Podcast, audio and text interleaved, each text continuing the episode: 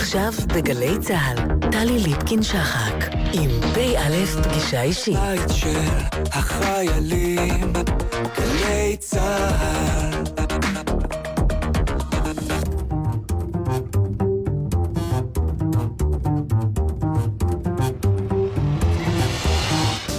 כמה דברים שאתם צריכים לדעת על הדוקטור יופי תירוש. היא נולדה ב-1970 במושב מסלול בצפון מערב הנגב. שם גדלה בת בכורה מתוך שלוש להורים חלוצים שבאו ליישב את הנגב ומחלקים את זמנם בין חקלאות לפעילות ציבורית. הדוקטור יופי תירוש התמחתה בלשכתו של השופט העליון המנוח מישאל חשין. לפני כשנה וחצי לקחה הפסקה זמנית מחברותה בפקולטה למשפטים באוניברסיטת תל אביב כדי לכהן כראש בית הספר למשפטים במכללה האקדמית ספיר. מחקריה, המפורסמים בבימות בינלאומיות מובילות, מוקדשים לאפליה על היבטיה המשפטיים והסוציולוגיים. לצד קריירה אקדמית ענפה, שבה שימשה כמרצה וחוקרת אורחת בטובות האוניברסיטאות באירופה ובצפון אמריקה, תירוש מקדישה הרבה מזמנה לקידום השוויון, פעילות שעליה זכתה לאחרונה בפרס גורני של העמותה למשפט ציבורי בישראל. היא נשואה לזוהר, דוקטור לפילוסופיה ומנהל מדור עריכה באוניברסיטה הפתוחה, והם גרים בדרום תל אביב.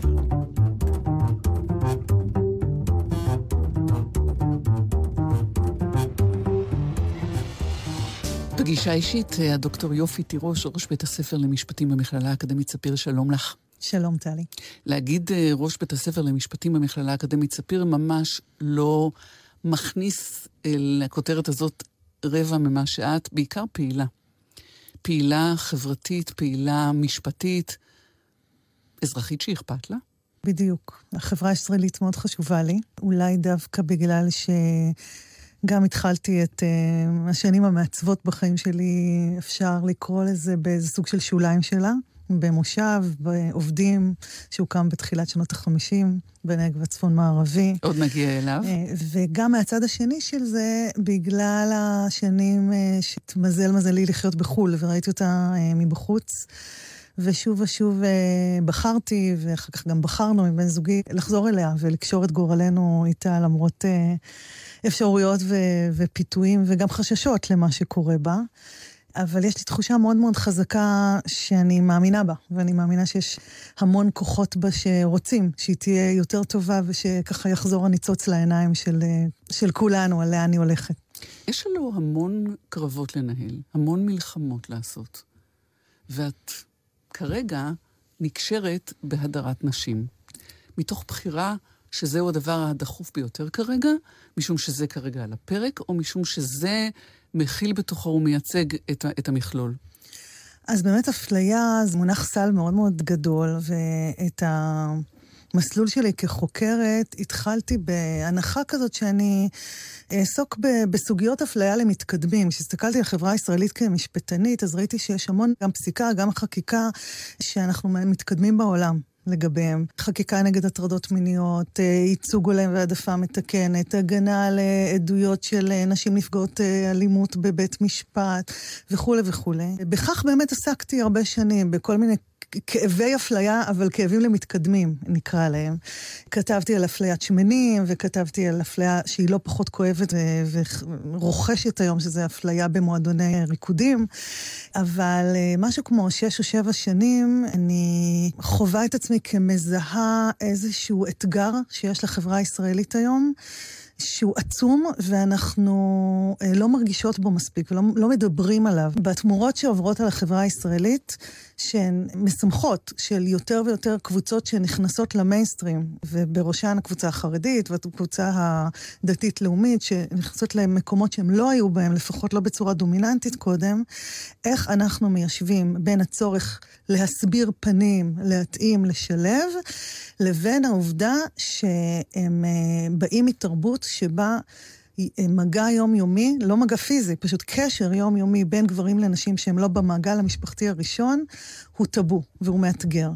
ואם אני מתרגם את השאלה הזאת למונחים קונקרטיים, השאלה היא, מה יהיה גורלן של נשים בחברה הישראלית בעשורים הבאים? אמרתי הדרה, ואנחנו מדברים על הפרדה מגדרית שבאופן נקודתי אה, על הפרק כרגע, באיזשהו תהליך שמתעצם, אה, בניגוד למה שנראה כמו אה, אה, הליך אה, מכיל ומאפשר, הוא אה, מגביר ומחדד את, את ההדרה ו, ומייצר אי שוויון.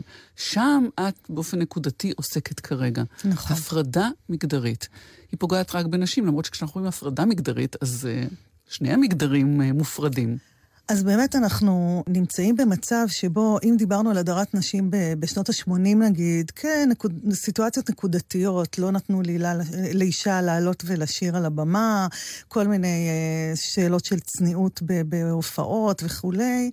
היום אנחנו מדברות על תופעה מוסדית, שבה מוסד אחרי מוסד, אה, האקדמיה, הצבא, מקומות עבודה, בוחרים במודל שהוא בשם השילוב מחליט על אה, הפרדה. בשלוש מאות השנים האחרונות, המהפכה הצרפתית, המהפכה האמריקאית, ההוגים, הפילוסופים הגדולים, אה, דקארט, קאנט, מיל וכולי, אמרו לנו את הדבר הרדיקלי הבא: הגוף שאתה נולד אליו, צבע העור, המין, הנטייה המינית, המוגבלות, הוא לא גורל.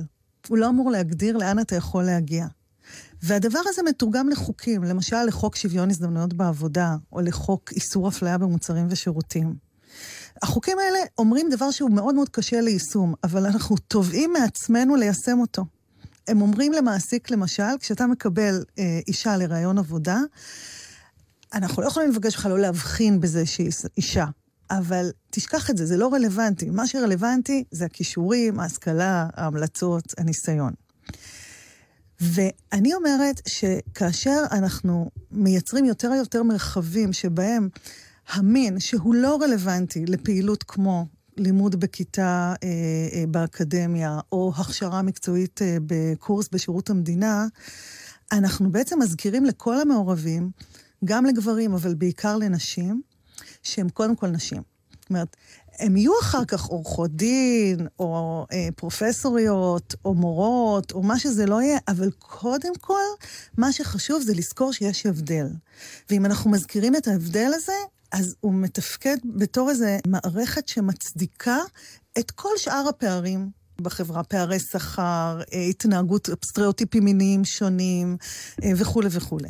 גם נשים, נשים חרדיות, חשות בנוח בחברת נשים. Mm-hmm. איפה המשקל ואיפה ההסדרה של שני ערכים, האחד, ההתחשבות באחר, והאחר, הטבעת סטיגמות. כן. יש פה באמת המון שחקנים בשדה הזה, והם לא מקשה אחת. אנחנו היום יודעים שאנחנו לא יכולים לדבר על החברה החרדית או על הנשים החרדיות. אז עניין אחד שאני למדה מהשנים שבו אני עוסקת בזה, זה שיש המון מגוון בתוך אה, קהילת הנשים החרדיות, ואכן גם הם, את יודעת מה, לפעמים גם כמוני וכמוך, יש משהו מאוד מנחם ומאוד מוגן בחברה נשית, ואני אה, מכבדת את זה. אבל גם אם הרבה מהן אומרות לי, לא באקדמיה, אל תעשו לי את זה. הן אומרות לי בהצלחה בסוד, כן? ולפעמים האמיצות שבהן גם יוצאות עם זה ציבורית וחוטפות אה, אש מאוד רצינית.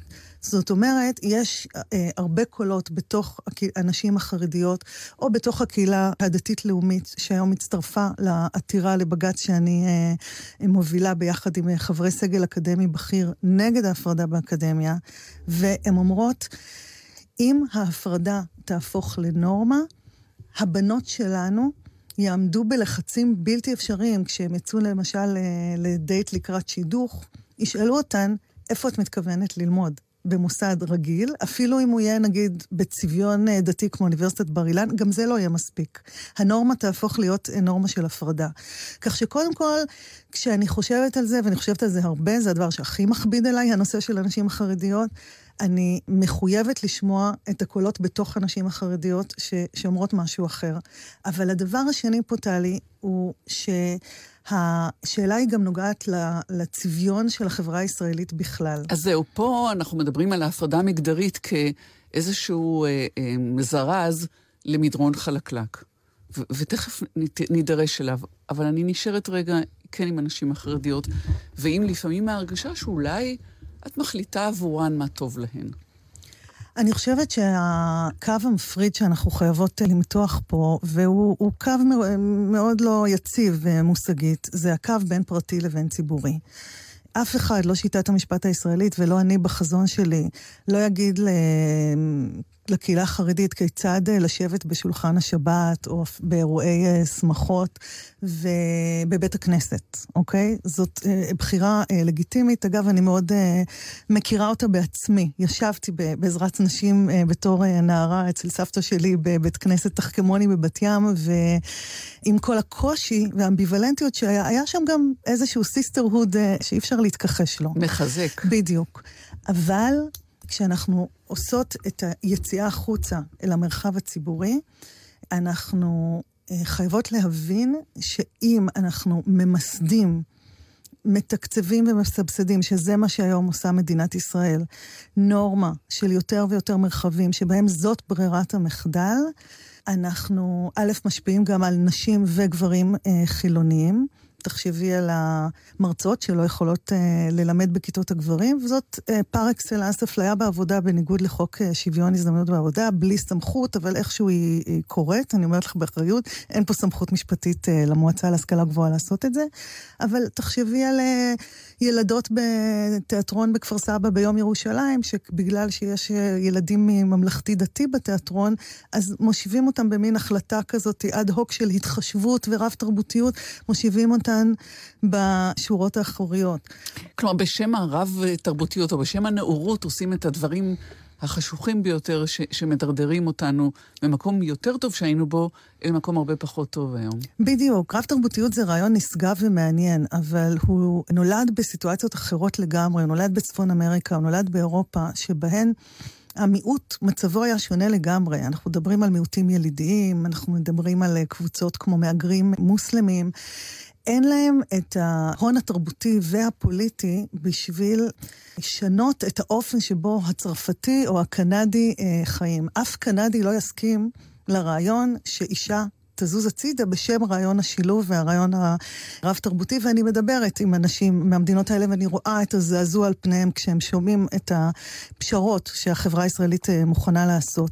אבל אם אני מסתכלת כאן, השיעור שלנו הוא שאנחנו צריכים לשאול את עצמנו איפה עובר הקו האדום של המושג הזה.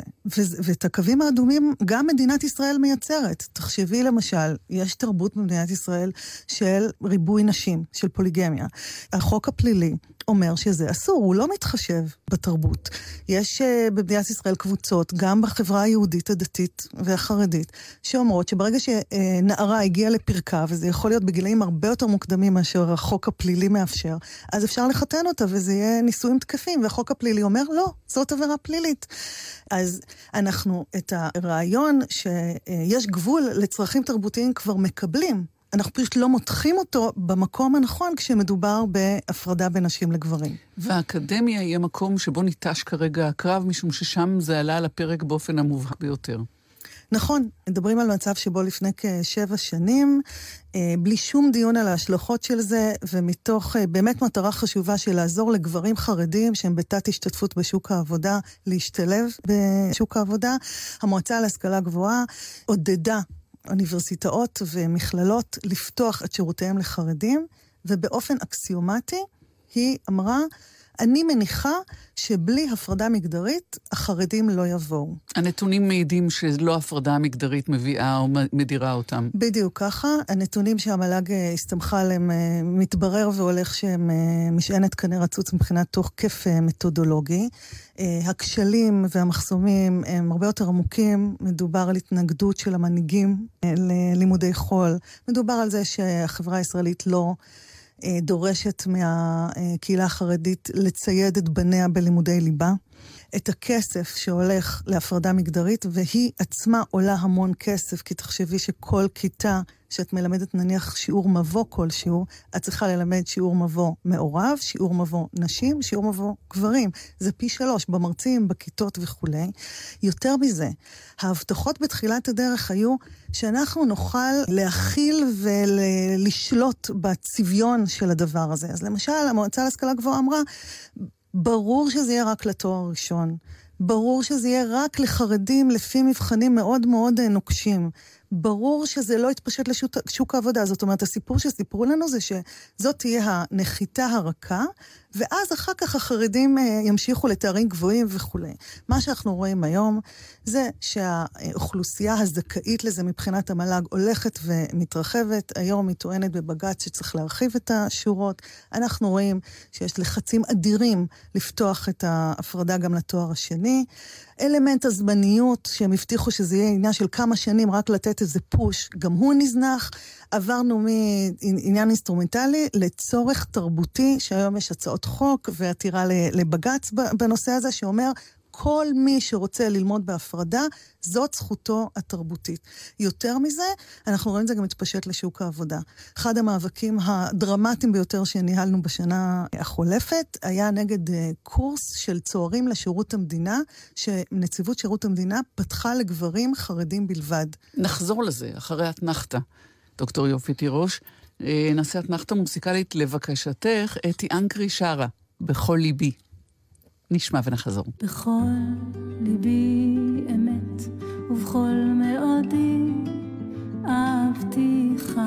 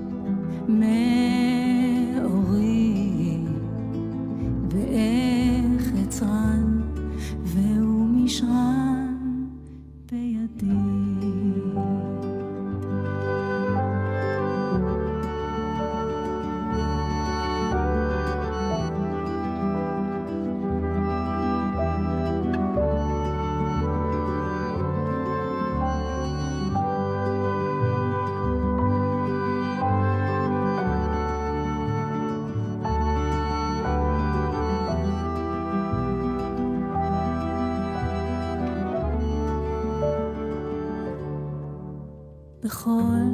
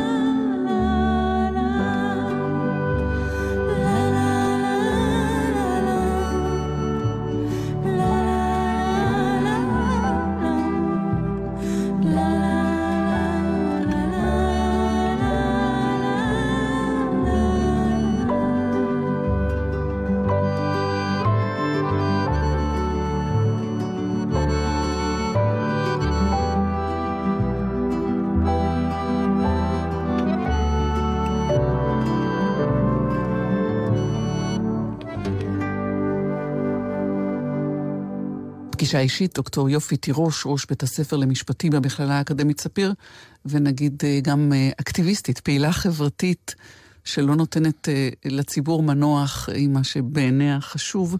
שמענו את יהודה הלוי. כן. טקסט של יהודה הלוי מביא אותך בחזרה אל, אל ראשיתך.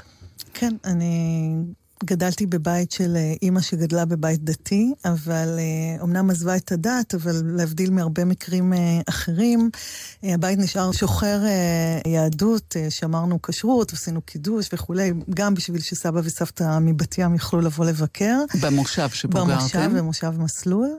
וגם באמת מתוך איזושהי אהבה לאגדות של חז"ל, ובכלל, למחשבת ישראל, אמא שלי כתבה מאסטר במחשבת ישראל וספרות עברית.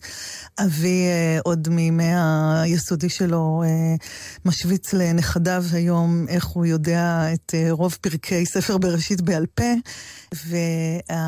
והיהדות אה, והעברית, מאוד מאוד קרובים לליבי. איך זה שקראו לך יופי?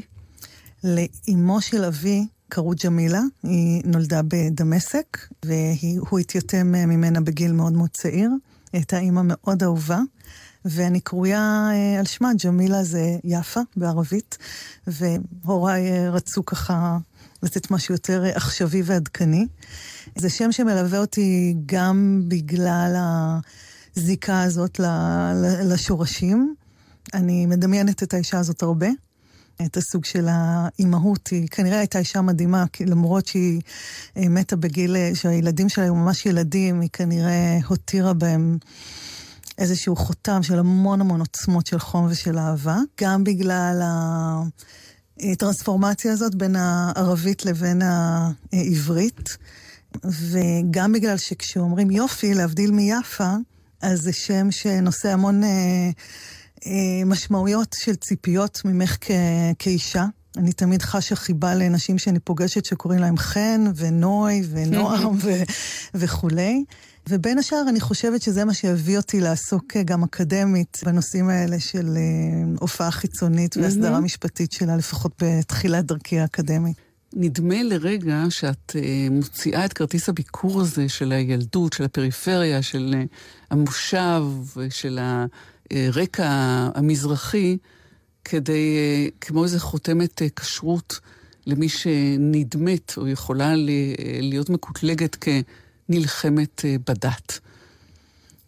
כן, לצערי זה אחת המיסקונספציות הכי מצערות שאני שומעת. הדרך שלי היא באמת דרך של אה, כבוד עצום. בני הפלוגתא שלי, לפחות לרובם, לא לאלה שפועלים מאינטרסים כלכליים או אופורטוניסטים. אה, בכל המסע הזה, הנקודות שהכי חשובות לי זה לדבר עם דתיים לאומיים, עם, אה, במיוחד עם נשים, אבל לא רק, עם חרדים וחרדיות. ואני מאוד מאוד שמחה למצוא שכשיושבים ומדברים ומזהים את המוטיבציות הטובות והנקיות והמשותפות, אז אפשר להגיע אה, רחוק. אני חושבת גם שיש איזה אולי אה, צער על האופן השטוח שבו אנחנו שמים אנשים ברובריקות היום בחברה הישראלית. באמת, אה, העמדה המקצועית שלי היום, אני מרצה בבחירה ויש לי קביעות באוניברסיטת תל אביב, ואני ראש אה, בית ספר למשפטים. זה עשוי באמת אה, להשכיח ש... עשיתי דרך, אני דור ראשון להשכלה גבוהה, אני באתי ב, ככה ב... נגיד את זה באוניברסיטה, הנוף ילדותי וה, והביוגרפיה מהסוג שלי הם לא מאוד מאוד שכיחות. היום כבר יותר? אה, אין ספק שיש התקדמות, אבל אה, את יודעת, להגיד לאנשים אה, לחכות זה רק למי ש, שיש לו זמן. כשאת מסתכלת על... תת-ייצוג של מזרחים ובטח של מזרחיות באקדמיה, כשאת מסתכלת על זה שהיו לנו כבר חנה סנשיות ו- ונתיבה בן יהודיות וגולדה מאיריות, אבל עוד אין לנו מספיק פרופסוריות מן המניין ו- ורקטוריות ונשיאות של, של מוסדות אקדמיים. בוודאי השיפור, אנחנו במקום הרבה יותר טובים ממה שהיינו. מצד שני, יש איזו דינמיקה כזאת שככל שאנחנו מתקדמות, גם יש הידוק החגורה ו... ו- מתוך בהלה. בדיוק, אה, אה, רצון רגע להגיד שנייה לאן אנחנו הולכים מבחינת חלוקת התפקידים בין גברים לנשים, מבחינת מבנה המשפחה. וחלק מהסיפור הזה אני רואה, שוב, סביב השאלות למשל של צניעות ושל הפרדה, גם בחברה הדתית-לאומית אני מזהה תהליך מאוד מעניין, שמצד אחד יש יציאה החוצה והרבה יותר אה, אה, רצון אה, להשתלב במוקדי העילית של החברה הישראלית. אנחנו רואים היום הרבה יותר חובשי כיפה, שזה דבר שמשמח אותי בתקשורת, בעסקים, בפוליטיקה, באקדמיה.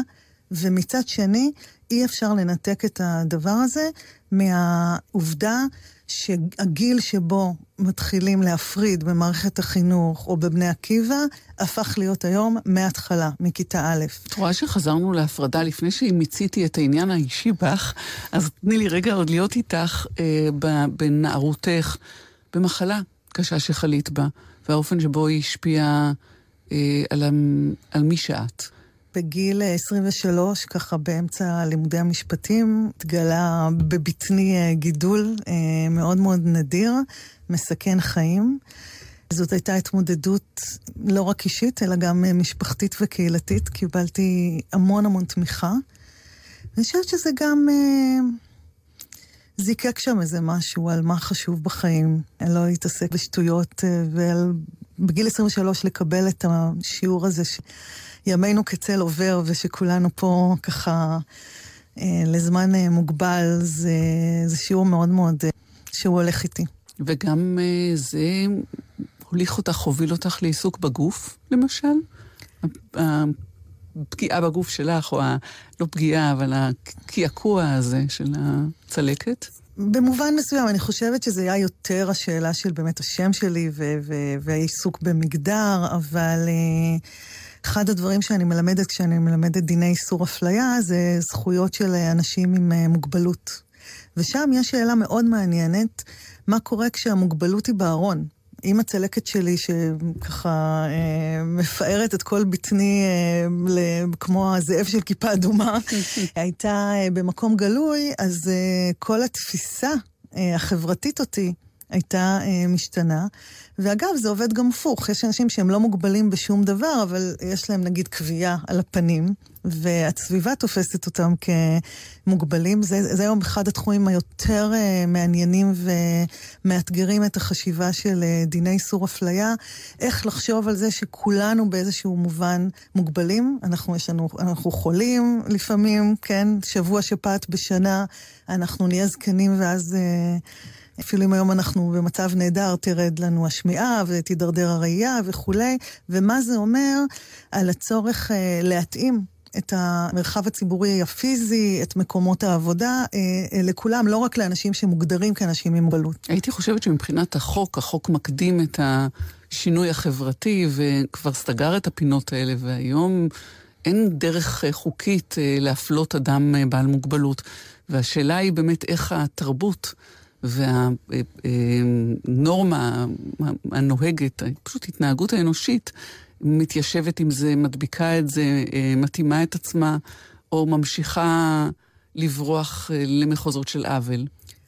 הכלים המשפטיים להגן על אנשים מפני הרבה צורות, צורות אפליה, גם של מוגבלות, הם אכן מאוד מתקדמים, בוודאי בישראל. יש לנו בעיה גם של אכיפה. קשה מאוד לתבוע ולהוכיח אפליה בתחומים האלה. וגם באמת של uh, תפיסה ציבורית, באינטראקציות הכי קטנות, אחד uh, מול השני. זה לא דברים שהמשפט יכול uh, ללכוד, mm-hmm. איך אנחנו מתייחסים לזה לזה. ואני שוב אחזיר אותך רגע לאסוציאציה שעולה לי סביב נושא הדרת הנשים. אחד התחומים הכי מתקדמים בתחום של אנשים עם מוגבלויות, זה התחום של הנגשה ושל התאמות. אנחנו אומרים למעסיק, אם יש מועמד מצוין, אבל הוא נגיד כבד ראייה, אז תמצא את התוכנה שתקריא לו בקול רם, והוא יוכל להיות עובד מצוין לכל דבר ועניין, וזה נהדר. אז אה, מה שקורה היום זה ששיח ההתאמות, במקום שהוא אה, יקדם שוויון לכולם, הוא אומר, בואו נתאים את המרחב הציבורי, עולם האירועים, האקדמיה, המקום העבודה, לגברים שלא יכולים לשהות במחיצת נשים, מחמת תרבותם ו- וצביון חייהם. איך נתאים? נרחיק את הקבוצה השנייה. Mm-hmm. זה המקום היחיד שאני מכירה בכל עולם ההתאמות בעולם, שבו אנחנו בעצם מעוותים את מושג ההתאמה שנולד מעקרון השוויון ויוצרים באמצעותו צורה חדשה של אפליה. היותך אה, פרח שצמח בפריפריה, איזה משמעות יש לזה, לדרך שעשית? אני חושבת שזה יוצר אה, עושר גדול, זה ממש יתרון, עושר בעין. כי התודעה שלי בעצם מפוצלת. אני כל הזמן רואה דברים מהזווית של אה, להיות במקום שכל ילדותי עבר באוטובוס אחד ביום, ורמות השוליות היו מאוד מאוד עמוקות. זאת אומרת, כשישראלים שכחו מה זה סיינפלד, אז אנחנו קיבלנו סוף סוף אה, כבלים אה, למושב פשוט כדי לראות בפעם, ועוד לא היה אינטרנט שאפשר היה לראות סיינפלד באינטרנט.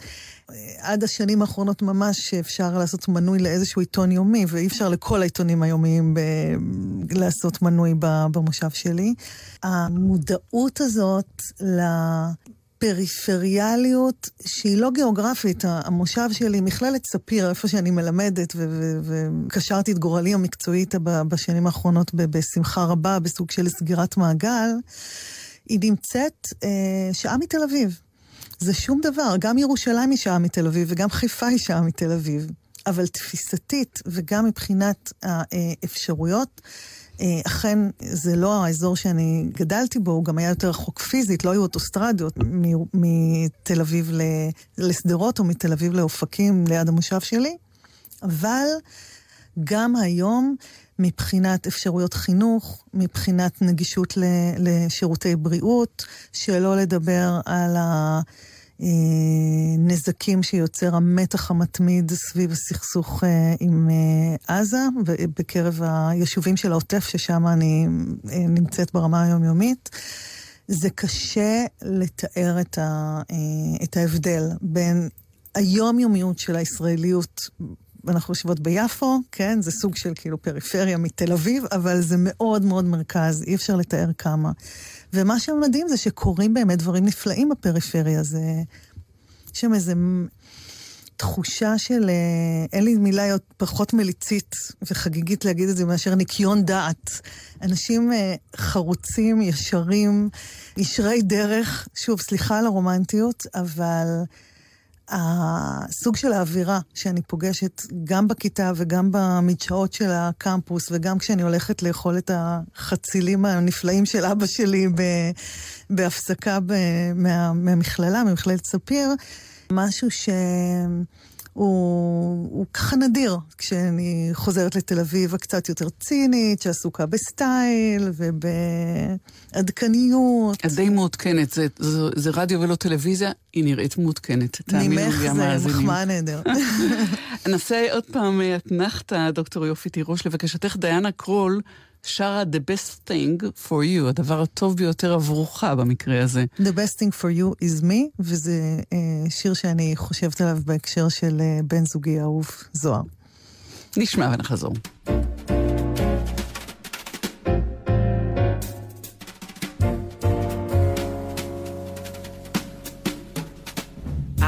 Want what's the best thing for you and the best thing for you would be me.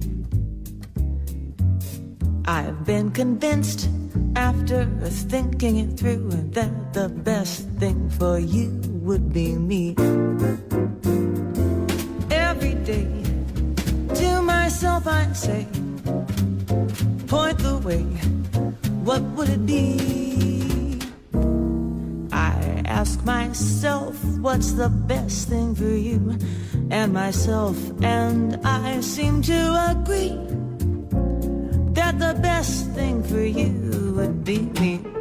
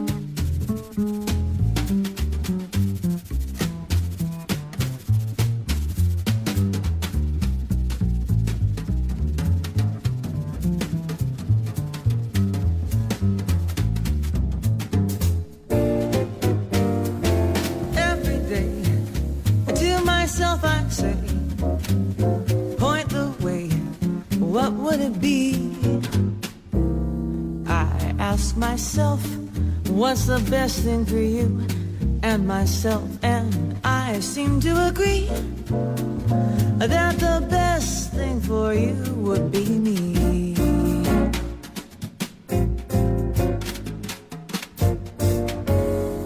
פגישה אישית, דוקטור יופי תירוש, ראש בית הספר למשפטים במכללה האקדמית אה, ספיר פעילה, חברתית, אה, היא לוחמת צדק ושוויון. דיברנו על פריפריה. בהקשר של התנועה הזאת בין המרכז לפריפריה, אה, ההחלטה שקיבלתי להיענות להזמנה לעמוד בראש בית הספר למשפטים בספיר לפני כמעט שנתיים, מבחינתי המשך של התנועה הזאת.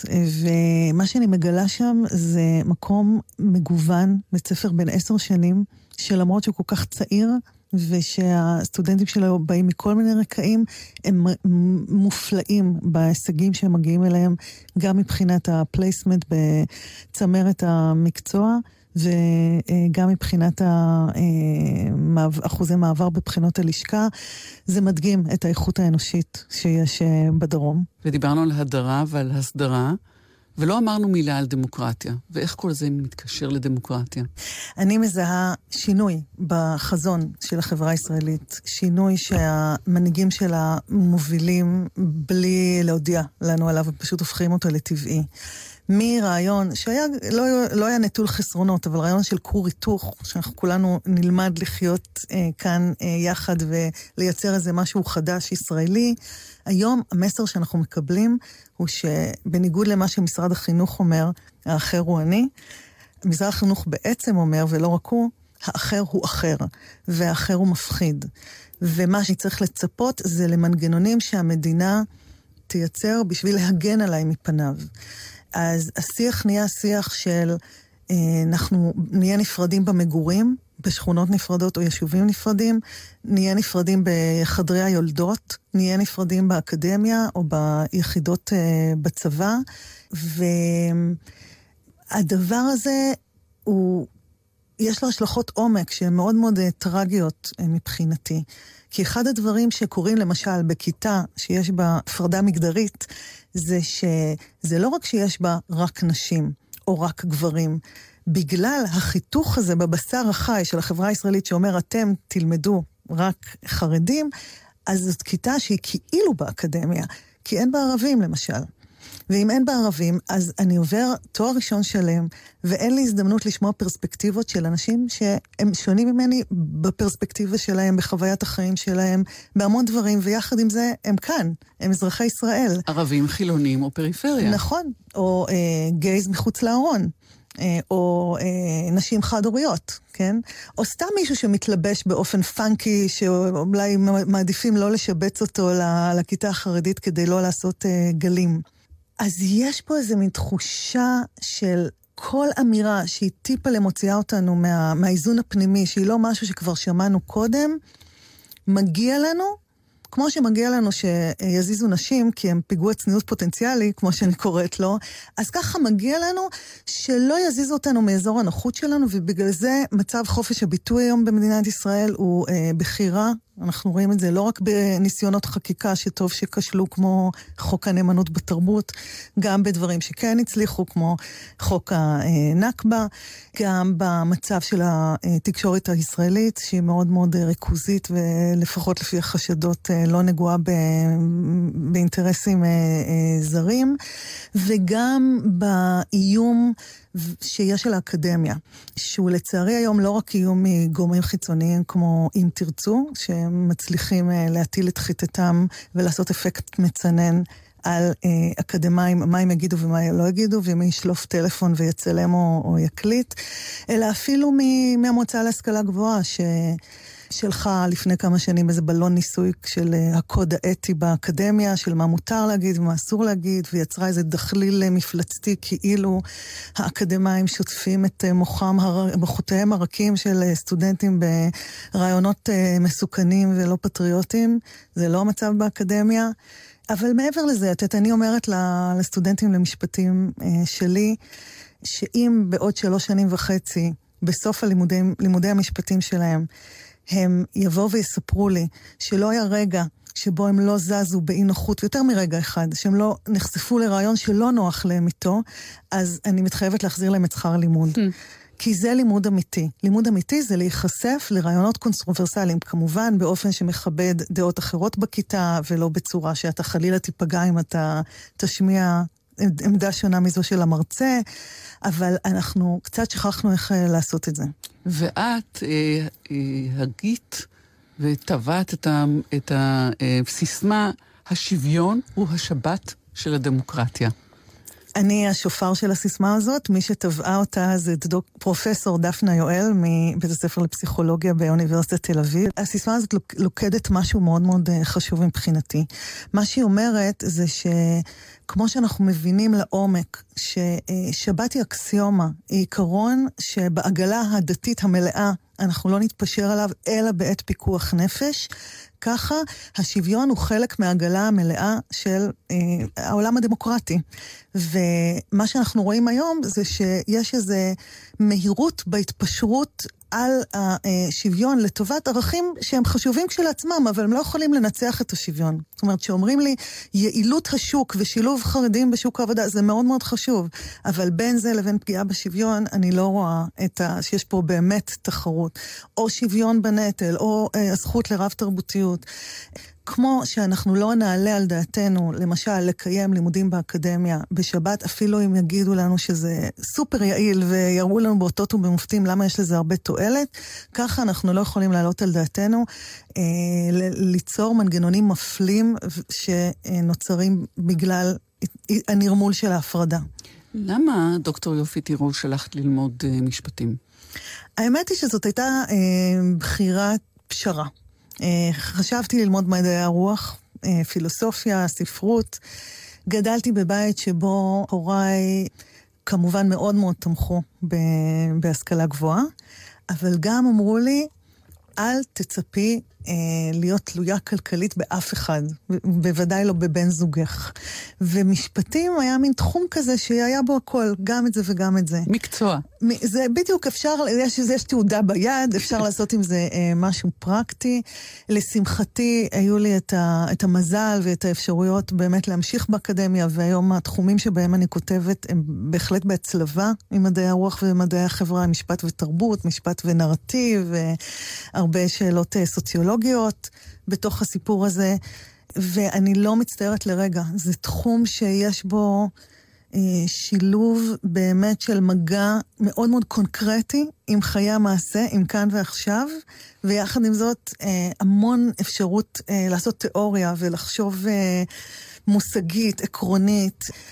גם uh, לסטודנטים שלנו בספיר, אנחנו אומרים, uh, זה לאו דווקא uh, תואר שאתם חייבים להמשיך איתו ולעשות סטאז' ובחינות לשכה מדכדכות, אלא זה כלי שנותן הבנת עומק של העולם ואפשר ללכת איתו להרבה מאוד תחומים אחר כך. וזה חוזר לשאלה של הדיאלקטיקה, מה קודם למה או מה מוביל את מה, עד כמה הדיסציפלינה של משפטים אה, היא הכוח שמזהה תהליכים חברתיים עוד לפני שהם זיהו את זה בעצמם, או תרבותיים, ונותן מענה עוד לפני שזה הוצף במלואו.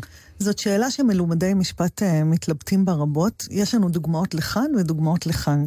יש מקרים שבהן המשפט הולך uh, uh, ושם מראה לחברה ואומר, תשמעי, את תצטרכי להתמודד, ומוטב עכשיו מאשר עוד מעט עם שאלות uh, חדשות ומאתגרות.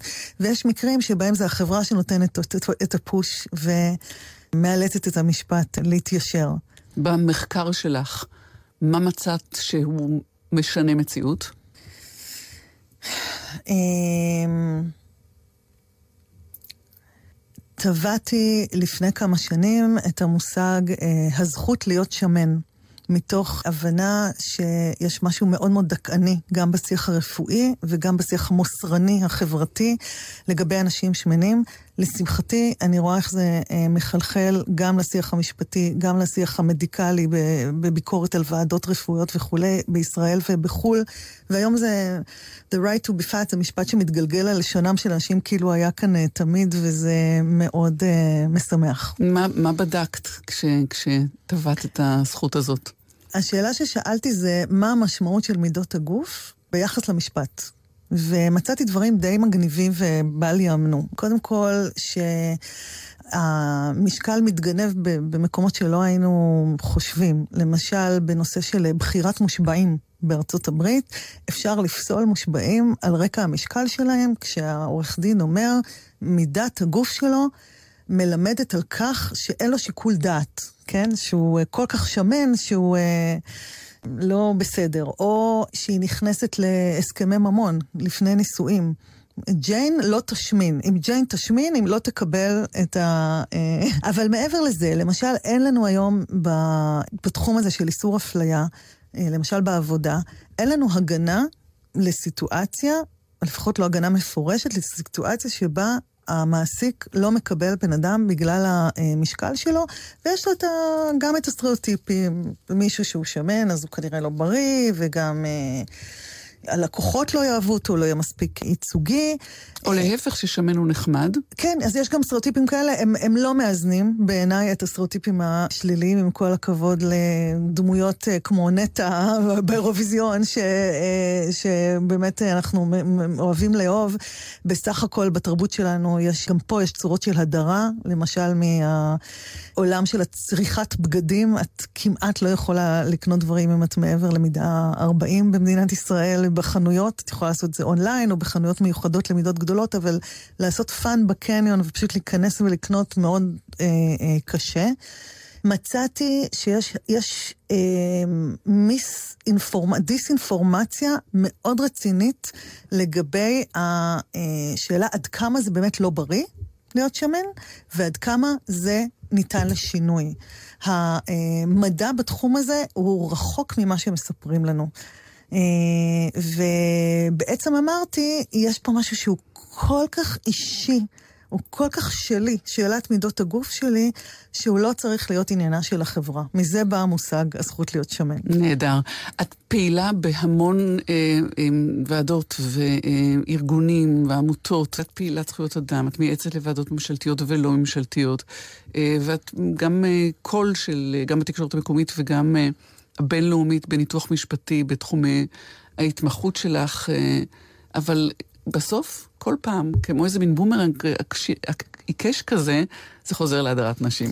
כרגע כן. אה, אני באמת חושבת שאף אה, אחד במדינת ישראל לא יכול להרשות לעצמו לא להשמיע קול איפשהו. זה יכול להיות בוועד השכונתי, זה יכול להיות בוועד ההורים בבית הספר, זה יכול להיות במפלגה מקומית או ארצית, וזה יכול להיות בארגון אה, זכויות אדם, ולהשמיע קול ולהשתתף. אני באמת משקיעה בזה הרבה מהמרץ שלי. לאחרונה קיבלתי... פרס אה, מאוד אה, משמח ומכובד של אה, פרס גורני של העמותה למשפט ציבורי בישראל.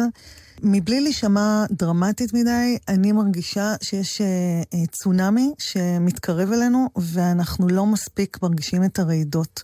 בעיניי, כשיש אה, שלטי חוצות, ב- לאחרונה ממש, סביב הבחירות, שאומרים שצריך איחוד בין המפלגות, ויש שם תמונות של פוליטיקאים, ולצידם גם, ביניהם, אה, ציפי לבני, ועיריית בני ברק אומרת שעל גבול בני ברק לא תהיה דמות של אישה. עכשיו, זה לא הסיפור שמורידים את זה. הסיפור פה מבחינתי זה שחברת פרסום הכי עדכנית ותל אביבית, שיושבים בה אנשים מן הסתם שמחויבים לשוויון בין המינים לא פחות ממני וממך, משתפת עם זה פעולה ועושה את הפוטושופ, פה השיעורי בית שלנו. ואת זה אנחנו לא מרגישים. עד כמה מהר אנחנו מוותרים על אנשים בחברה הישראלית. אנחנו פה נצטרך לעצור כי הספקנו המון, אבל כמובן לא הכל. אה, דוקטור יופי תירוש ביקש, ועם זה ניפרד, כמה מתאים, חווה אלברשטיין, התבהרות חלקית. גם חלקית זה משהו. תודה רבה. תודה רבה לך. נגיד תודה לאגר קרני שערכה איתי והפיקה את המשדר הזה, לאבישג אליסף שוסטר ולתומר קידר על הביצוע הטכני, וכמובן לכם שהאזנתם לנו. אני טלי ליפקין-שחק, היו שלום.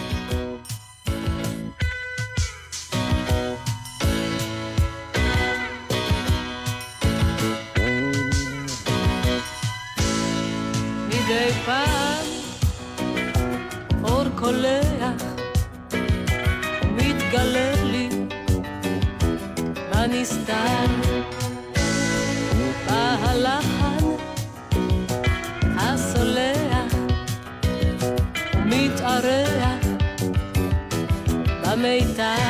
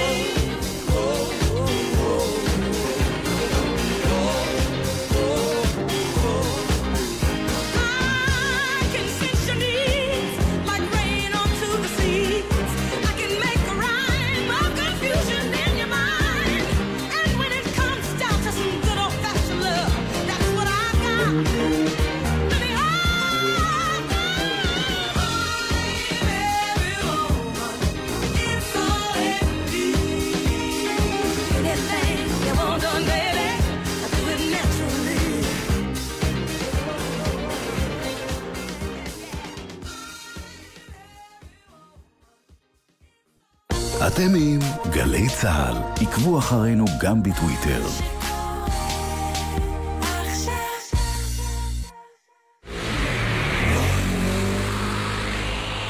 האם הייתם מסתפקים בחצי עבודה? אז מדוע תתפשרו על חצי הגנה? רוכבי אופנוע וקטנוע, שימו לב, קסדת החצי יצאה מחוץ לחוק ואסורה לשימוש. מעכשיו מותר לרכוב רק עם קסדה שלמה ותקנית. נלחמים על החיים עם הרלב"ד.